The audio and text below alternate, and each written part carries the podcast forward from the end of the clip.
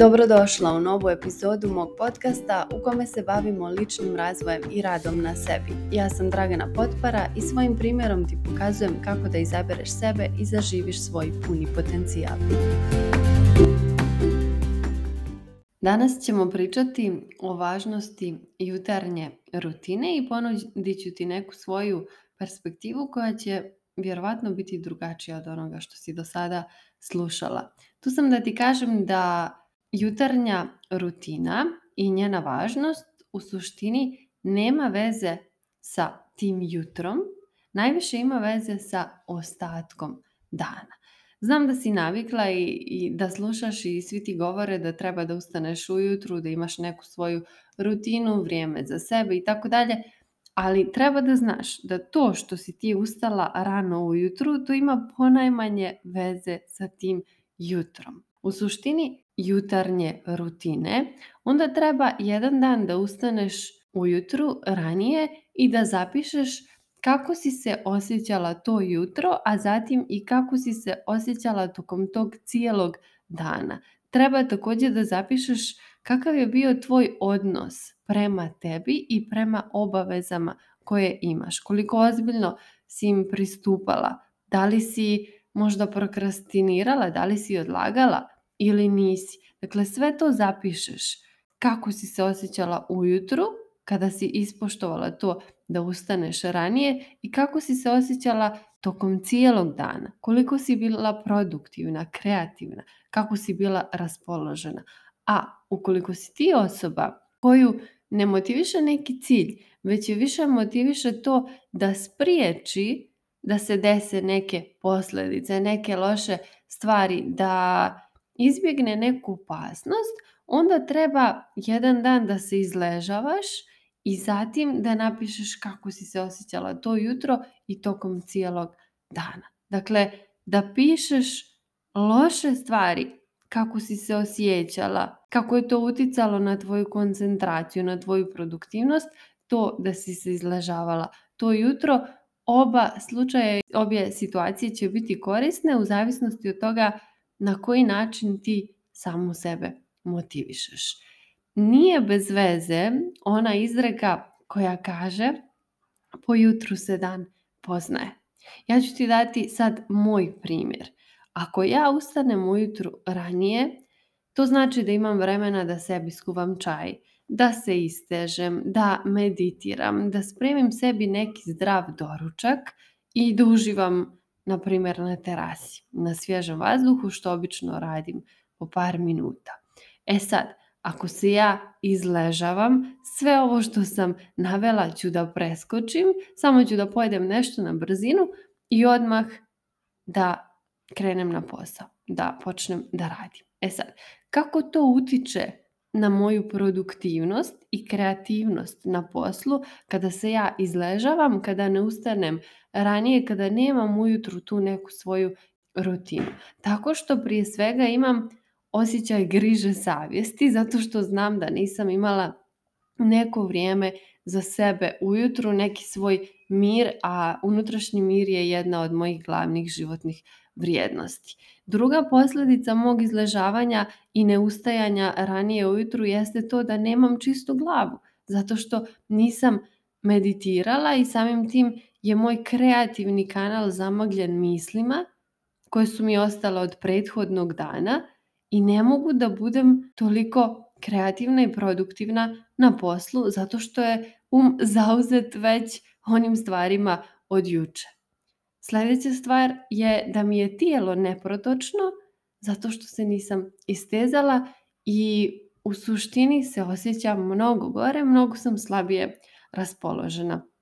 To ti je kao, na primjer, ako ti ujutru ne izmeditiraš, nemaš neko vrijeme za sebe, nemaš neki način da pročistiš taj svoj um od misli i od smeća koje se nakupilo prethodnog dana, to je kao da se nisi istuširala. Kao što tuširaš svoje tijelo svaki dan, tako treba i da tuširaš, odnosno čistiš svoj um svaki dan. Zašto? Da bi ti bolje služio, da bi bio brži i efikasniji. Jer naravno da će biti brži i efikasniji ako nije zatrpan svim onim mislima i obavezima i problemima od juče. Ukoliko je tvoj um čist, ukoliko energija teče slobodno, ukoliko je tvoje tijelo protočno, tvoji kapaciteti fokusa, koncentracije i pamćenja će biti mnogo bolji. I zašto ja volim da kažem da tvoja jutarnja rutina počinje uveče. To je nešto zanimljivo o čemu možda nisi ranije razmišljala, ali ja kada govorim o jutarnjoj rutini ne govorim o tome da ti sad treba da uvedeš neki vojnički stil i da siliš sebe, da ustaješ svaki dan rano ujutru i da budeš nenaspavana, neraspoložena i umorna zbog toga, već ti govorim da nađeš neko najoptimalnije vrijeme za sebe kada treba da ustaneš i da tome prilagodiš svoju večernju rutinu.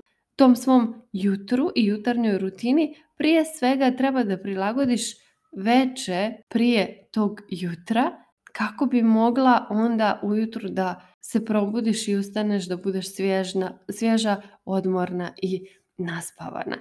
Ako si ti, na primjer, zaključila da je tvoje najoptimalnije vrijeme za ustajanje 7 sati ujutru, pa naravno da onda nećeš ostati do 2 ujutru da gledaš neki film ili da scrolluješ po Instagramu i TikToku zato što znaš koje će biti posljedice i znaš kako će to loše uticati na tvoju jutarnju rutinu. I da bi se ti probudila ujutru svježa i odmorna, kada se navikneš, budit ćeš se i bez alarma, kada nađeš to neko svoje najoptimalnije vrijeme, jako je bitno da imaš kvalitetan san i jako je bitno kako ćeš ti da završiš prethodni dan, kako ćeš da zaključiš taj dan, na koji način ćeš da utoneš u san i šta ćeš da radiš prije tog spavanja.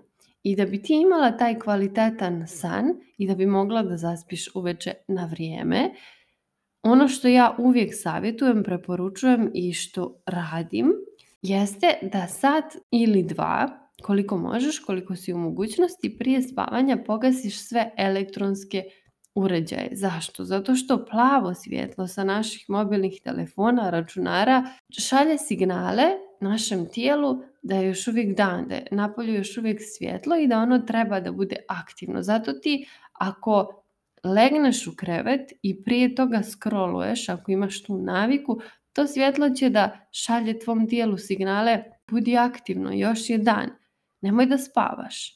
I tako se poremeti taj prirodni ciklus i prirodni sat u organizmu koji otprilike zna kada je dan, kada je večer, kada treba da se spava i on na osnovu promjena u danu, kako, dakle dan, kako sunce zađe, kako se dan polako gasi, taj sat također u našem tijelu se prilagođava tome. Ali ukoliko ga mi poremetimo time što scrollujemo, i koristimo te elektronske uređaje prije spavanja, onda imamo poteškoće da zaspimo, onda imamo probleme sa nesanicom i zato je moja topla preporuka da pogasiš sve ekrane prije spavanja.